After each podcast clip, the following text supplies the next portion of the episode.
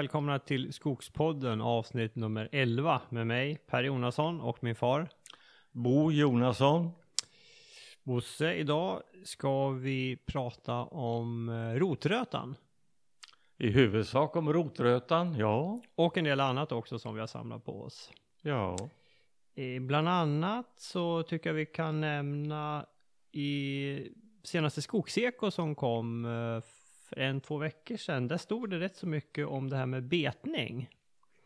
Och bland annat så är, den, eh, är Märta Wallgren eh, med också och bidrar. Och eh, det där var ju intressant.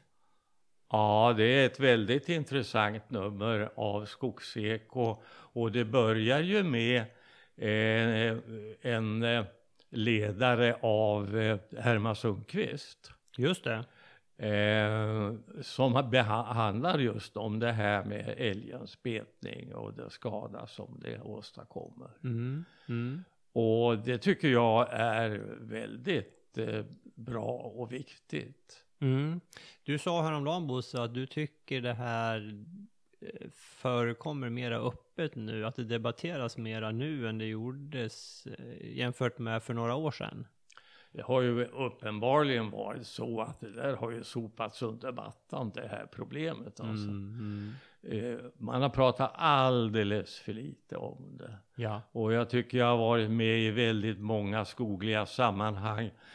Eh, folk pratar öppet och frejdigt om det ena problemet och det andra. Men så fort man har närmat sig det här med älgbete Mm. så har tonen sänkt. Så eh, debattörerna har verkat väldigt kluvna. Mm. De tycker om att jaga älg. Ja, det, det, det kan hända att det har varit en, en, en liten känslig fråga historiskt. Jag upplever inte att det är det. Jag tycker de diskussioner som, som både du och jag har haft med, med älgjägare har, har varit positiva. Ja, tycker jag också. Eh, jag kan gott säga det att, att i eh, Lindesbergs östra älgskötselområde har vi alltid haft en, en bra diskussion och det har inte varit någon, någon osämja utan man Nej. har pratat, pratats vid i lugna, lugna termer. Alltså. Ja. ja, men det handlar ju om att hitta en balans mellan älg och foder. Och det är ju när balansen blir helt sned, det är ju då vi får de här stora skadorna. Som dessutom är väldigt svåra att reparera.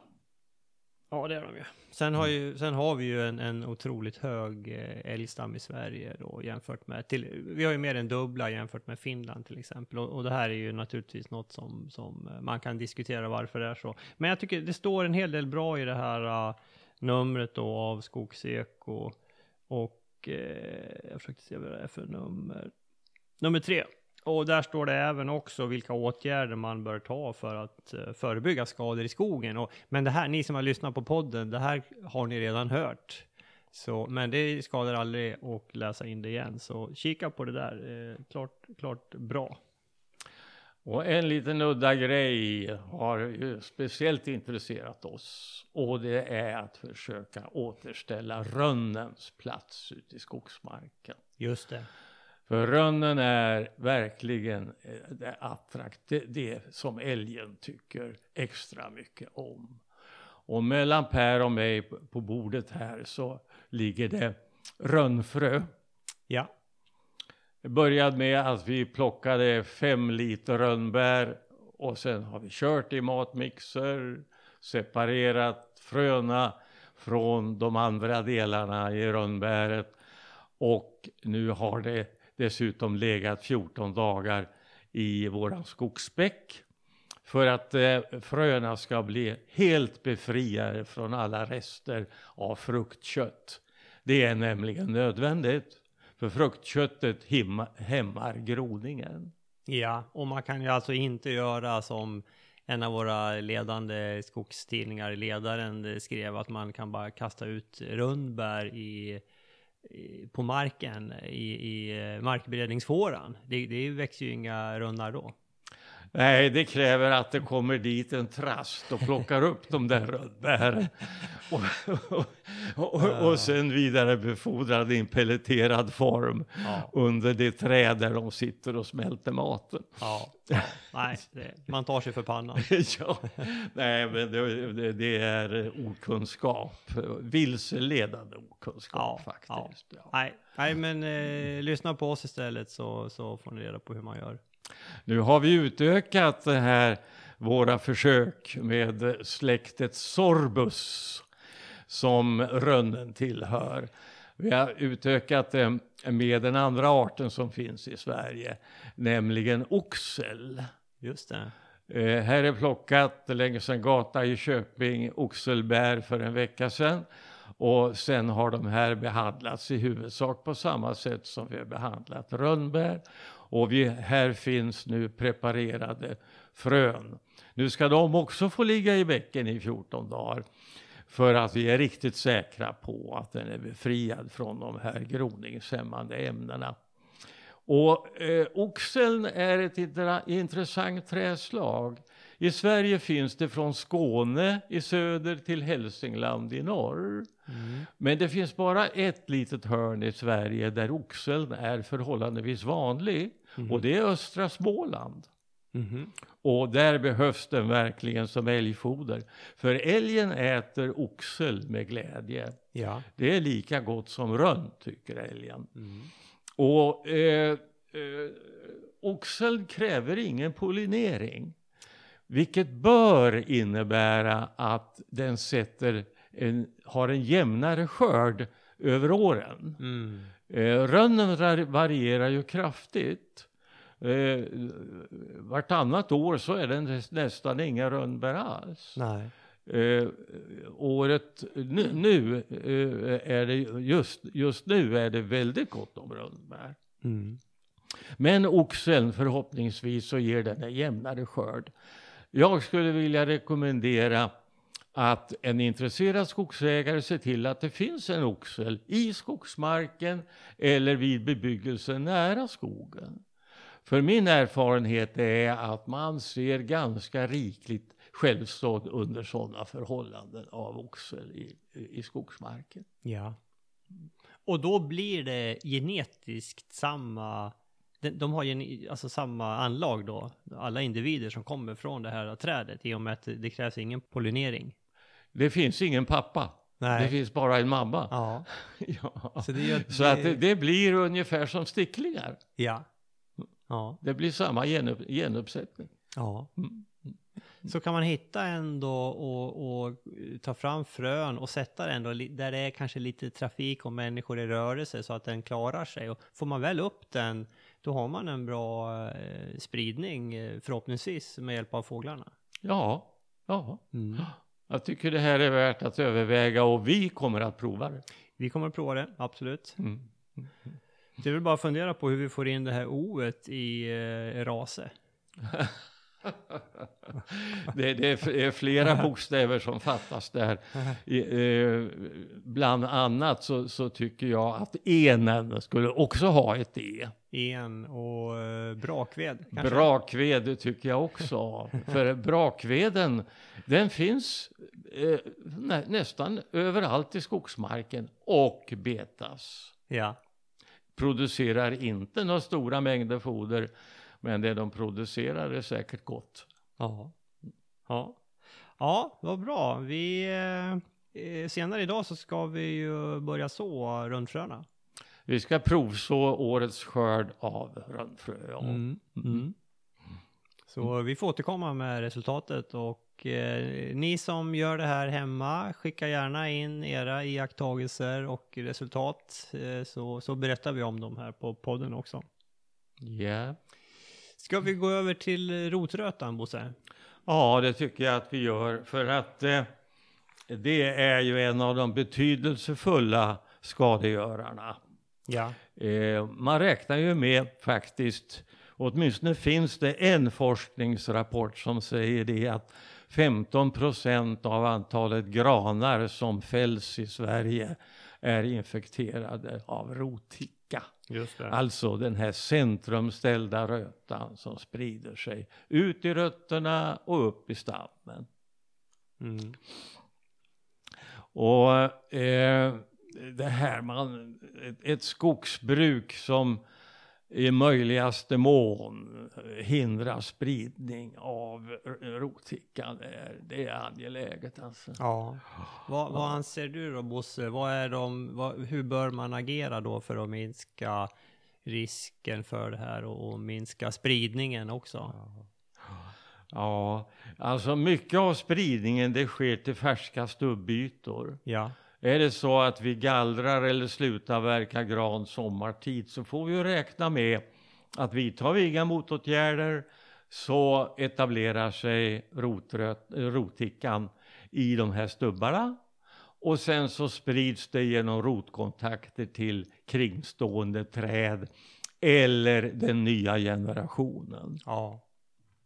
För eh, precis, och där har vi ju fått höra att Eh, skördare, alltså de här lite mindre skördarna som, som jobbar med gallringar, de har ju ofta det här systemet för att spruta ut en, en, eh, den här vätskan då i svärdet. Men de här lite större skördarna för slutavverkning, de har ofta inte det. Det är alltså svårt att täcka en stor stubbe på ett bra sätt Ja. med pergamentsvampen eller vad man nu använder som motmedel. ja. Eh, så att, eh, eh, men det finns ju ett sätt och, och det är att eh, sluta verka vid stadiga vinterförhållandena. Förhållanden. Alltså temperaturer eh, kring noll eller under nollan. Ja. Ja. Upp till max 5 plusgrader har det sagts. Men, men redan där tror jag att man tar en risk. Ja, Alltså. så gärna runt noll och kallare. Eh, och idealet är ju snötäckt mark alltså. Ja. ja, då får du ju... Och kan du då köra över den flera gånger så, så får du ju, du minskar ju risken för körskador också om det är kallt. Ja, ja, Mm. ja. Och ja. där Bosse vet jag att alla gallringar och slutavverkningar som vi gör, det, det är ju, sker ju på vintertid. Definitivt. Ja, Skördar är förbjudna i skogen sommartid. ja, Ja, ja. I granskogar. Det, det skriver vi in i, i avtalen när vi säljer virke. Ja. Och enligt se- nutida, sentida forskning så har man ju också kommit fram till att även väldigt klena eh, granstammar, alltså typ röjning, Mm, mm. kan infekteras och grundlägga en infektion, en vidare infektion och tillväxt av rothickan i Ja. det granbeståndet. Så om du, om du röjer då, då ska du antingen göra det vintertid när det är runt nollan eller kallare. Alternativt ha med dig då och spruta på stubbytorna. Det finns ju de alternativen. Eh, själv så, så har jag, tycker jag om ordet barfroströjning. Ja. Eh, alltså röjning vid, min, vid minusgrader i till exempel november, december eller eh, på vårvintern. Ja. Mm. Ja men så det är ju superviktigt. Jag tycker inte heller att man ska gallra granen för många gånger. Det räcker med en eller två gallringar i granen. Ja. Och då minskar man ju skadorna som också kan, eller infektionerna som ju också kan uppkomma med skador på stammar och rötter. Ja. Och eh, rötspridningen kan förväntas vara mindre mellan granar i blandbestånd.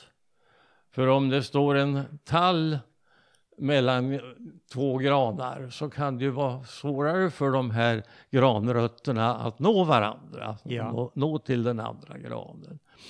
Eh, alltså, eh, rothickan kan ju också angripa tall. Mm. Eh, det ska man inte glömma.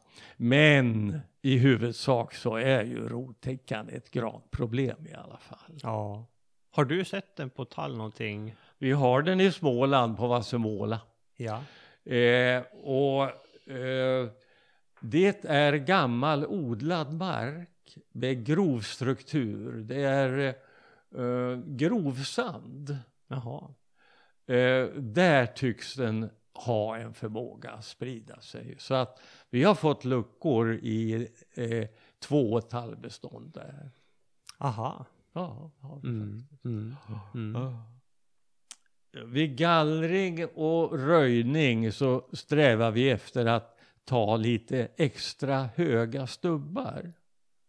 Det blir en mindre area som exponeras för den här infektionen. Och skulle det ändå bli så att det blir infekterat så tar det ju längre tid för rotickan att nå ner till rötterna. Mm. Så att eh, eh, tillämpa det ganska konsekvent. Mm. Röjningar i gran, det kan ju ske i midjehöjd. Ja. Det bör vara ett, eh, mm, ja, ja, ett möjligt skydd. Jo, alltså du minskar ju arean, det gör du ju absolut. Men sen det här med tiden, jag läste att den kan ju gå en meter på ett år. Så du kanske du skjuter spridningen då ett år framför dig och det, ja, det är inte så mycket vunnet kanske. Vi kan nog glömma det där argumentet. Ja, jag tror det. Eh, Men arean, absolut. Men ja, arean minskar i alla fall. Mm. Dessutom med höga stubbar, om man vill behandla dem Mm. med till exempel pergamentsvamp och det fälls en massa träd så sticker de här höga stubbarna upp ur avfallet och kan lätt nås med besprutningen. Du ser dem, du ser dem lättare, ja, helt riktigt. Nej men det här med, med rötspridning och eh, ah, stormfällning och eh, angrepp av granbarkborre, det bildar en ond cirkel. Ja. Det kan börja så här att bli röta i en gran och den faller i nästa storm, Mm. blir angripet av granbarkborrar som ynglar i den här granen. Ja. Eh, granbarkborrarna, när de flyttar sig mellan granar, de kan mycket väl sprida rotickan. Eh, sporer fastnar på, på barkborren och förs över från en stam till nästa. Aha. Så att det här är en, en ond cirkel, Ja. bör uppmärksammas. Ja. Mm. Mm. Mm. Ja. Mm. Nej men eh, ska vi sammanfatta det här då med rotrötan i gran alltså. Om man eh, vid, eh, vid röjningar, gallringar och slutavverkningar. Idealet är att göra det här när temperaturen är, är runt noll eller kallare. För då finns inte svampsporerna i luften. Så då, då får man inte spridningen. Och det krävs ju att, det, att, den, att vi har den här kylan två till fyra veckor efter vi har tagit en färsk stubbyta.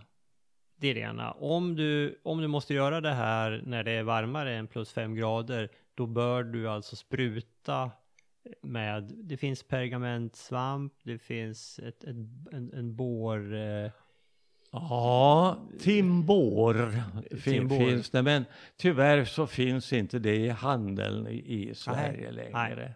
det är pergamentsvamp du har där då. Ja, det finns ju möjligheten med urealösning. Ja. Eh, kan vara lite bökigt att få till en tillräckligt eh, mättad lösning. Mm. Eh, man får värma vattnet och Okej. sen tillsätta urea. Okej. Eh, det är möjligt att göra det. Mm. Så står man där eh, och ska avverka och inte har tillgång till pergamentsvampen så kanske man på bondgården har urea i Ja. lager. Ja. F- För det finns ju en nackdel med den här uh, pergamentsvampen om man sprutar på för att den, när du väl blandar till den, då måste du använda upp den. Du kan inte lagra den till dagen efter tror jag. Ja. Nej, men du får ju lyssna med din leverantör där vad det finns att köpa. ja, Men det ska ja. sprutas. ja, ja, ja. För övrigt Bosse, du har ju en väldigt bra bok om det här som vi kan rekommendera. Ja, det finns en bok som heter kort och gott Rotröta. Om rotröta i allmänhet och roticka på gran i synnerhet. Författare är eh, Jonas Rönnberg, Mattias Berglund, Johan Norman och Claes Sturesson som är redaktör för den. Mm. Eh, det här är en väldigt värdefull bok. Den är lättläst och klar och ger oss den kunskap som man behöver om det här problemet. Mm. Så den kan vi rekommendera. Mm. Det finns säkert andra också, men det här är ju, det är ju forskare från eh, SLU som har skrivit den här. Och förlaget är studentlitteratur. Ja. Sen finns det också väldigt mycket eh, artiklar eller eh, vetenskapliga rapporter ifrån SLU. Jag kan lägga upp några länkar på vår hemsida. Ja, Så kan man Ja. läsa mer om det där. ja, ja. Bra, eh, Bosse. Jag tror vi hoppar över till nästa ämne om inte du hade något mer om rotrötan. Jag har mycket mer, men eh, har jag nu tystnat så fortsätt. ja. ja, vi får, eh, vi kanske får återkomma till det här. Eh, jo, vi har ju tidigare Bosse har vi pratat om den här eh, att vi, vi, vi inom skogsbruket måste närma oss eh, sågverksindustrin och, och slutanvändarna för att liksom få fram rätt material. Och i ett, i ett led att, att förstå våra slutkunder bättre så, så träffade jag eh, Almar Burvall för eh, ganska nyligen här, eh, en två veckor sedan. Och fick en pratstund med honom. Almar har ju ett förflutet, han har jobbat eh, länge inom sågverksindustrin och har stor erfarenhet när det gäller sågverksindustrin och förädling och försäljning till, till slutkunder. Vi kan väl ta och lyssna lite grann på eh, vad han har att säga om, om eh, dagens inriktning, kvalitet och kvantitet. Vi lyssnar. Men eh, hej och välkommen till Skogspodden eh, Almar eh, Burvall. Tackar, tackar. Vi kan väl börja med att du berättar lite grann om, om dig själv och din bakgrund. Ja, den har varit lite slingrig här. Jag var ju först då i Åtvidaberg på Baroniet som sågverkschef Ja. i tio år. Eh, Sen blev jag egenföretagare i, Brusa Timber Hjältevad, Ja, just det. åtta år. Sålde det 89. Det gick så att Vida köpte företaget och ett lysande Mm. sågverk idag. Just De är det. duktiga. Just det. Vida var det jag tänkte på. Jag Ja. nu blandar ihop det med andra sågverket. Eh, Setra ligger ju i Vimmerby. Ja, det är Vimmerby. Just det. Jo då, sen eh, hamnade jag i Hjortkvarn då. Jag blev erbjuden flytta dit. Men du, alltså backa tillbaka. Alltså Ja. Hjältevad, så startade du det? Nej, jag tog över efter Nisse Johansson. Han var Ah. ju en legendar på sitt sätt. All right. Det var ju maskin, han tillverkade ju och byggde sågverk också. Ja. Maskinfirma ingick. Den la jag ner för det var ingen lönsam historia. Ja, ja, ja. Du köpte det alltså av honom? Jag köpte in mig Mm. i, eller blev erbjuden jobb där och så fick jag då köpa aktier. Ja, ja, ja. Eh, Jag och dödsboet ägde det tillsammans. Mhm. Ja, ja. För det är, det, jag menar, det är ganska stort. Ja, då sågade vi runt eh, 70-75 000 meter och förädla eh, 40 000 meter. Ja. Köpte ni, då är det mycket lokal råvara där runt omkring i, i Småland. eh. Vad sa du? Ni, ni köpte mycket lokal råvara Ja, det förstås. gjorde vi. Eh, Det är väldigt mycket lokalt. Är det bara tall eller är det gran också? Ja, det är ungefär 60 tall och 40 Ja. gran. Ja. Vi ägnar oss mycket åt speciallängder och Ja. sådana saker. Ja, då har du sågat mycket i Vimmerbytallen där då. Ja, det har jag ju. Ja. Svinhulttallen. Svinhulttallen. Ja, den är jättefin. Ja, ja. Det är liknande Vimmerby. ja. Så då såg jag vad kvalitet betyder. Ja, just det. Precis. Mm. Ja, och sen eh, hamnade jag i, i Hjortkvarn.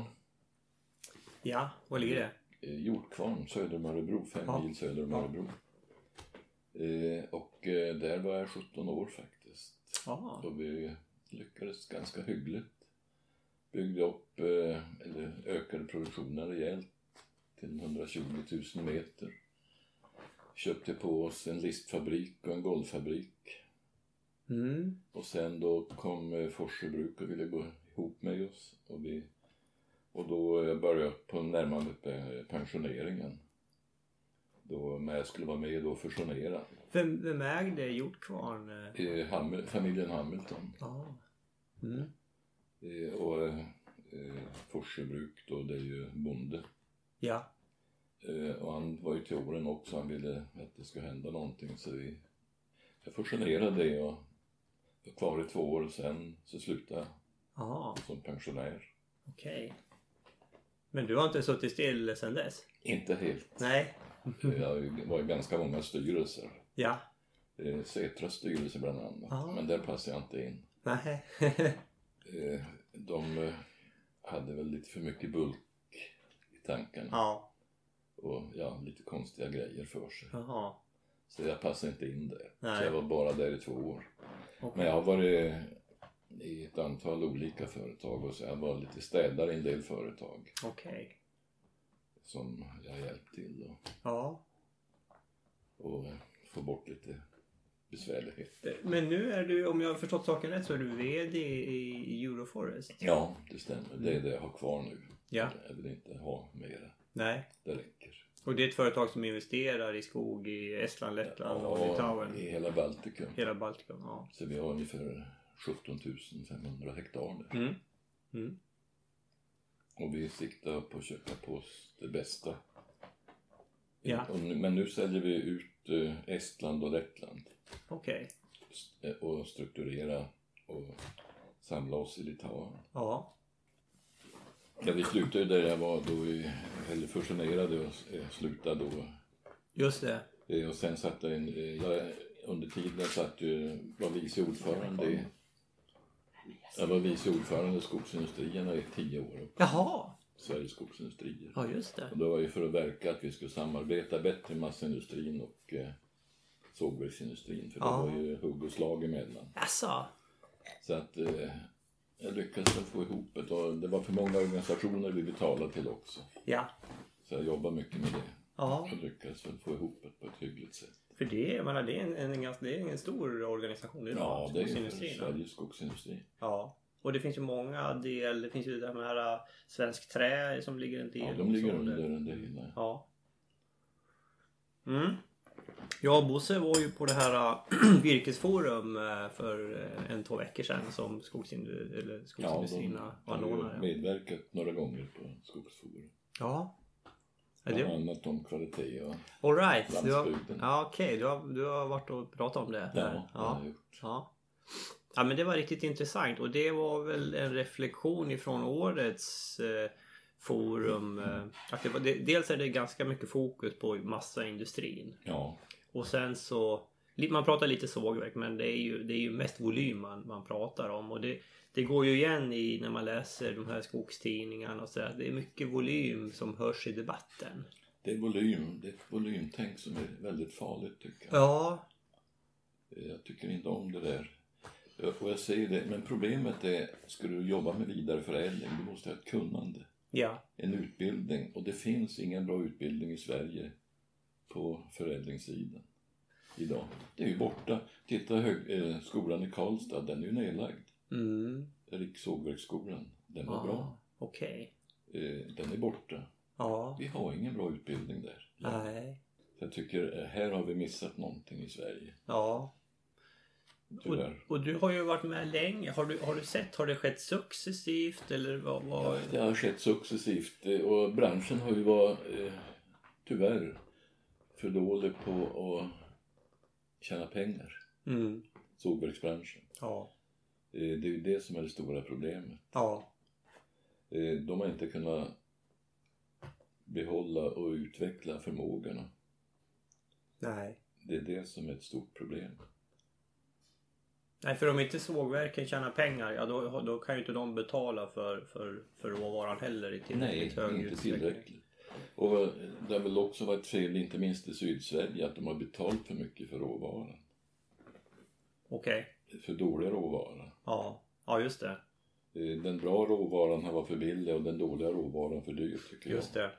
Idag är det ju, det skiljer ju, du betalar ju lika mycket för frodvuxen åkergran som, som eh, långsamväxande Ja, visst. norrländsk eh, Ja, gran Helt galet. till exempel. Det, och det ser man ju. Jag, har ju en fastighet uppe i Vilhelmina. Ja, Jag är ju därifrån ifrån början. okej. Och eh, jag säger det, när man använder trä där uppe, som är sågat där uppe. Ja, Det kan du ha utomhus. Det håller bra. ja, Trä här nerifrån. Eh, snabbväxt eh, utomhus. Högst 10 år så är det uppruttet. mm. Eh, gran då tänker jag. ja, Här ser man skillnad på kvalitet. ja, Det senvuxna där uppe eh, borde ju vara dubbelt så mycket betalt. mm. För det håller dubbelt så lång tid. ja, Så här tycker jag inte minst Setra varit för dålig på att marknadsföra sitt senvuxna virke. Och även skogsägarföreningar. mm, mm. De marknadsförde inte som senvuxet. Nej, Eh, eh, med täta årsringar. Och hög densitet. nej, Och det, det är stort misstag anser jag. ja. Du, du menar att det skulle slutkonsumenten skulle kunna liksom se det att ja, men det här är eh, långsamvuxet med Ja, täta de bryr sig inte om bara det trä. Men du måste ju som säljare tala om att, vad det är för någonting. Ja, Det är ju det viktiga. Marknadsföra det som senvuxen, furad senvuxen gran. mm. Med en bra hållbarhet och allt sånt. Och en bra densitet. ja, Det är ju en väldig skillnad. Det är samma med massaved. Massaved där uppe är mycket bättre än här neråt. Som Mm. är snabbväxt. Det är ju Ja. densiteten det skiljer. ja, Så jag jag förstår inte det här att inte det är jobbat med. Jag har kritiserat det en gång i land förut. mm. För en, ett antal år sedan att sågverken är för dåliga på marknadssidan. Mm. Och det är det här jag menar att eh, varför inte ta betalt för den senväxta fina furan och granen ja, som vi börjar på ha ont om. ja. Det Du, finns alla möjligheter. Du, du berättade att du satt i, i Setras styrelse en, en period. Vad, ha- Hade du uppe den här typen av diskussion? då? Ja, flera gånger men det var ingen som förstod det här. Mm. Mm. Eh, De eh, hade alla möjligheter att hänga på det här tåget och jag medverkade till att köpa då en såg uppe i Kalix. Ja. Eh, då, som jobbar mycket med förädling och var duktiga. Men de har sjabblat bort helt den linjen. Mm. Och nu, de håller på att gå ifrån förädling på Setra. De sålde ju Valbohyggeriet nu. ja. Vad, vad anser du då? Vad, vad, vad är rätt väg att gå? Hur ska man jobba med den här frågan? Ja, det här burktänket som finns nu i sågverken, det, det är inte hållbart. Nej. Vi har inte de volymerna att jobba med. Titta Ryssland när de kommer igång. Mm. Eh, de har dels en bra kvalitet i mångt och mycket. Eh, de har billig arbetskraft. Mm. De kan slå ut oss. Ja. om de får igång sågverksindustrin rejält. Ja. Och titta på Egypten, de har tagit över marknadsandelar och även på Kina. Så att eh, vi måste vara aktsamma och skärpa oss här. Ja. Och jag menar det du säger är att vi, vi, Sverige kan inte konkurrera med volym utan Nej. vi måste satsa på kvalitet. Vi måste bli kvalitetsmedvetna och Ja. jobba med det. Och jobba med förädling också, kunna förädling. Ja. De här storsågverken, eh, visst det, det är bra med bulksågverk också. Det behövs några sådana, men det blir för många. Mm. Titta på SCA, det är volym, volym. Med contorta också? Ja, det är en katastrof. Anser jag. Mm. Det är helt fel satsning. Mm. Det är Ja. bara att åka upp och titta. Eh, I mina hemtrakter, det är ju planterat contorta, det, den ligger ju efter marken. Ja. Och risig och elände, det är massaved. Det är massa redan. Ja. Det är ju en felsatsning anser jag. ja. På vissa lokaler kanske det eh, har gått eh, Mm. hyggligt men för det mesta är det bedrövligt. Mm. Men eh, om vi, om vi hoppar tillbaka till det här med kvalitet då. Alltså finns, finns marknaden? Ja, den gör ju det. Eh, när jag höll på då, jag kan säga, jag jobbade i 25 år med en kund i Holland. Mm. eh, do it yourself-marknad. Mm. Vi körde en lastbil om dagen ungefär. En till två lastbilar om dagen. Bara med sådana här förädlade produkter. Exakt längder, kapade, eh, hyvlade, buntade, prismärkta. Ja. Det kör, körde vi kontinuerligt. Och vi diskuterade inte priset. Nej. Utan det var inte det viktiga. Utan de skulle ha sina kvantiteter och visste att de fick det. Mm. Till, en, till en, en specifik kvalitet också Ja, då? ja visst en bra kvalitet. Ja. Eh, det- Det var det viktiga. Så att marknaden finns där, Mm. men det gäller att ta vara på den. Det gäller att, att, att hitta den också. Eh, Många finnar har ju börjat på med det här att eh, bli specialister. Okej. Men man säger ju då vad som hände. Jag slutade ju då eh, och två år efter jag hade slutat då tappade holländarna tron på företaget och slutade göra affärer. För det funkade inte. Nej. De blev lite för mycket bulk Ja, ja. Eh, och det, det går inte. Nej. Utan satsa mer och försöka hitta rätt nischer och, och hitta rätt Rätt kunder, kunder. som är villiga att betala Ja, för kvalitet. Va, va, det här med eh, någonting som, som min, min far och jag brukar, vi håller ju på mycket med att stamkvista tall till exempel. Ja. Va, vad säger du om, om kvistren furu? Idag Ja. får man väl svårt att få betalt för den har jag en Ja, tyvärr har det blivit så. Det är ju att eh, det har kommit en massa substitutmaterial. Som, Ja. Eh, Den här eh, MDFen är ju så väldigt fin att göra lister av. Eh, Men det har ju visat sig från tid till annan att eh, kvistrar inom sid och brädor, de håller prisnivåerna. Mm. De är ju bra betalt. Mm. Eh, Men det har blivit svårare att bli av eh, eller det är inte den stora marknaden. Men det är inte så farligt för det finns inte så stor tillgång Nej. på kvistrar inom sid och brädor. Nej.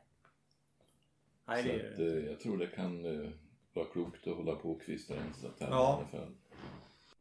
Jag har en käpphäst och det, jag tycker det gallras på tok för hårt. Ja. Eh, och det är för att få lönsamhet på gallringar. Mm. Och tjänstemännen som gör de gallringarna då på entreprenad, de gallrar för hårt för att få Mm. lönsamhet. Mm.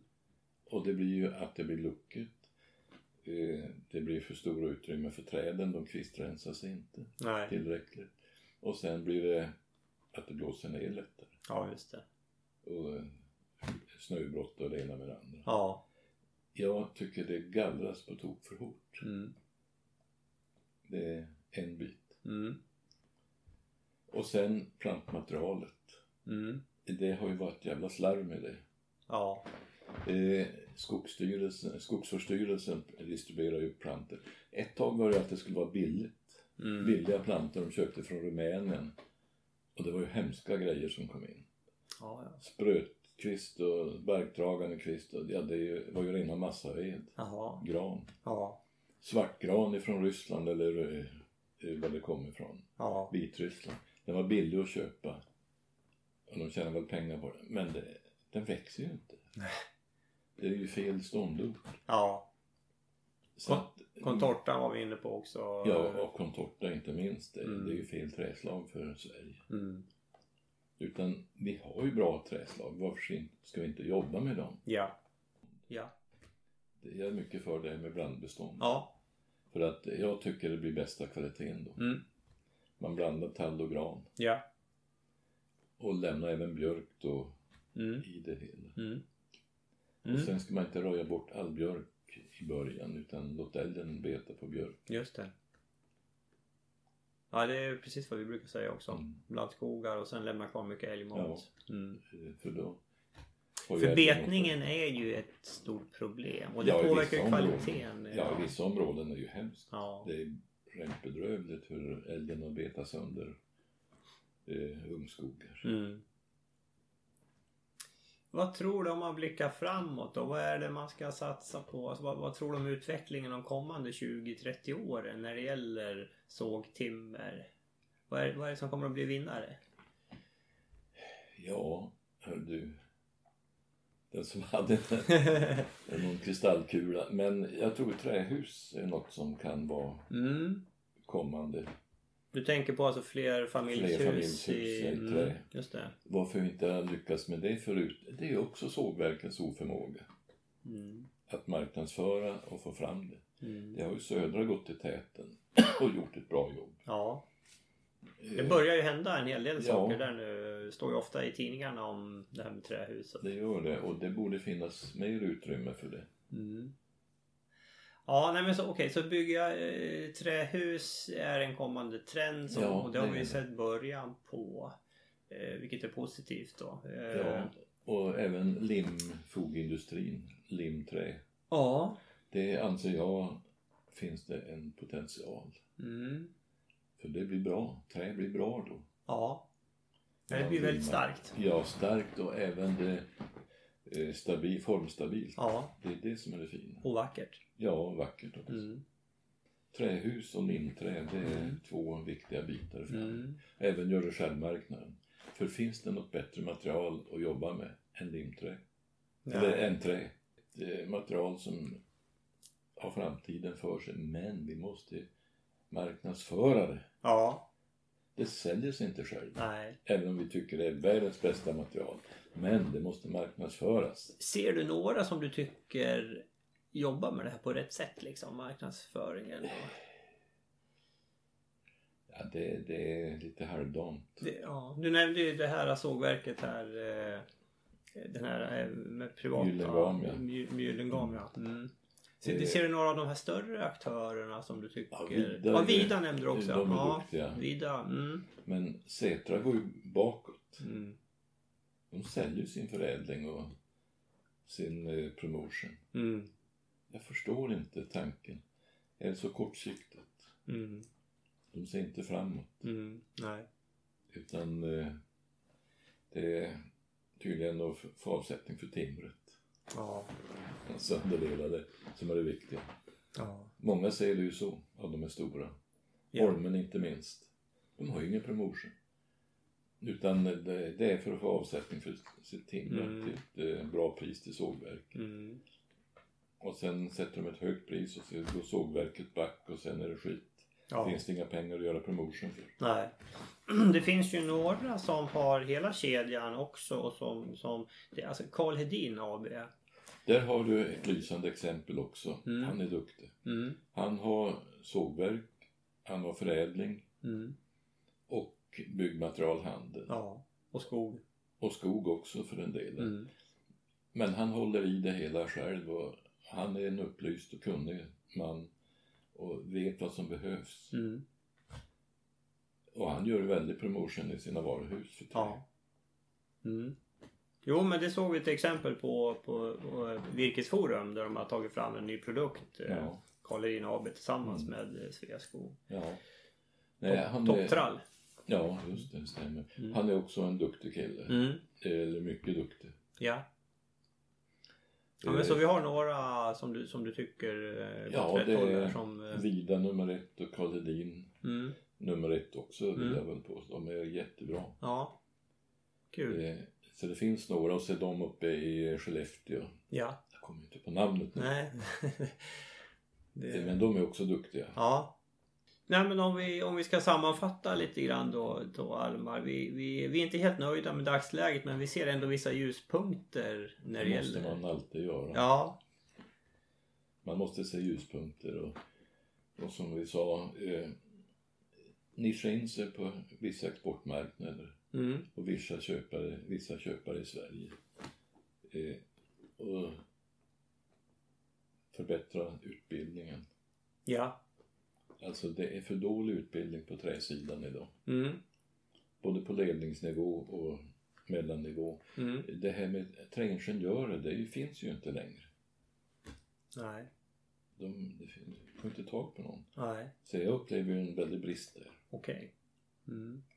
Ja men så det, det är dina råd och det är förbättra utbildningen inom, inom trä, träbyggande och, och, och träindustrin och sen satsa på nischa i produkter och, och jobba mer med sälj och marknadsföring och produktutveckling inom det. sågverksindustrin. Ja.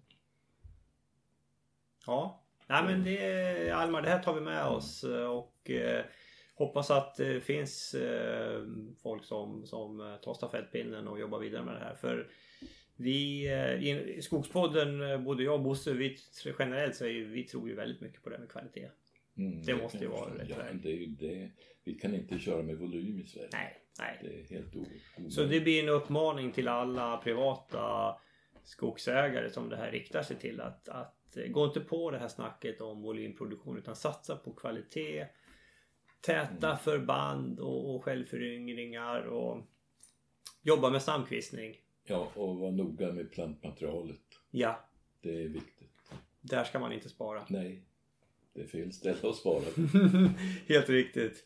Ja men jag tror vi sätter punkt där. Stort Ja. tack Almar för att jag fick komma och prata med dig. Trevligt. Tackar. Ja, där, vad, vad säger du Bosse? Jag tyckte det var väldigt intressant att träffa Almar. Mycket kunnig. Ja, det är välgörande att höra så klara ställningstaganden, så, så klart utsagda. Alltså. Mm. Och, och det här går ju på tvärs med mycket av tänket Ja. i Skogssverige. Alltså. Ja, det gör det. Ja. Sen, Eh, Han, eh, han pratar ju om det här att vi inte ska gallra för hårt. Han förordar ju här att man har en viss trängselverkan i ungskogarna upp till 30-årsåldern. just det.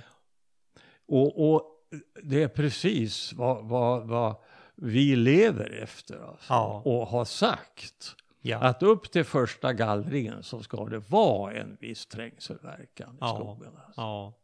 För mindre andel ungdomsved och du får mindre kvistar och växer långsammare också. Ja. Mm. Mm. Och täta, täta förband. ja. Mm. Ja, men det kan hända att det är ju, han nämner ju några där som han tycker är duktiga och det var ju lite kul för i, eh, idag den 13 oktober och den, eh, i tisdags, 11 oktober, hade Dagens Industri en artikel om Karl Hedin. Eh, där det står hur, eh, hur, hur bra det går för, eh, för det företaget, för Karl Hedin AB. Så de har ju lyckats integrera det här från skog och de säljer ju ända ut. De har ju byggvaruhandlar, 41 stycken, imponerande.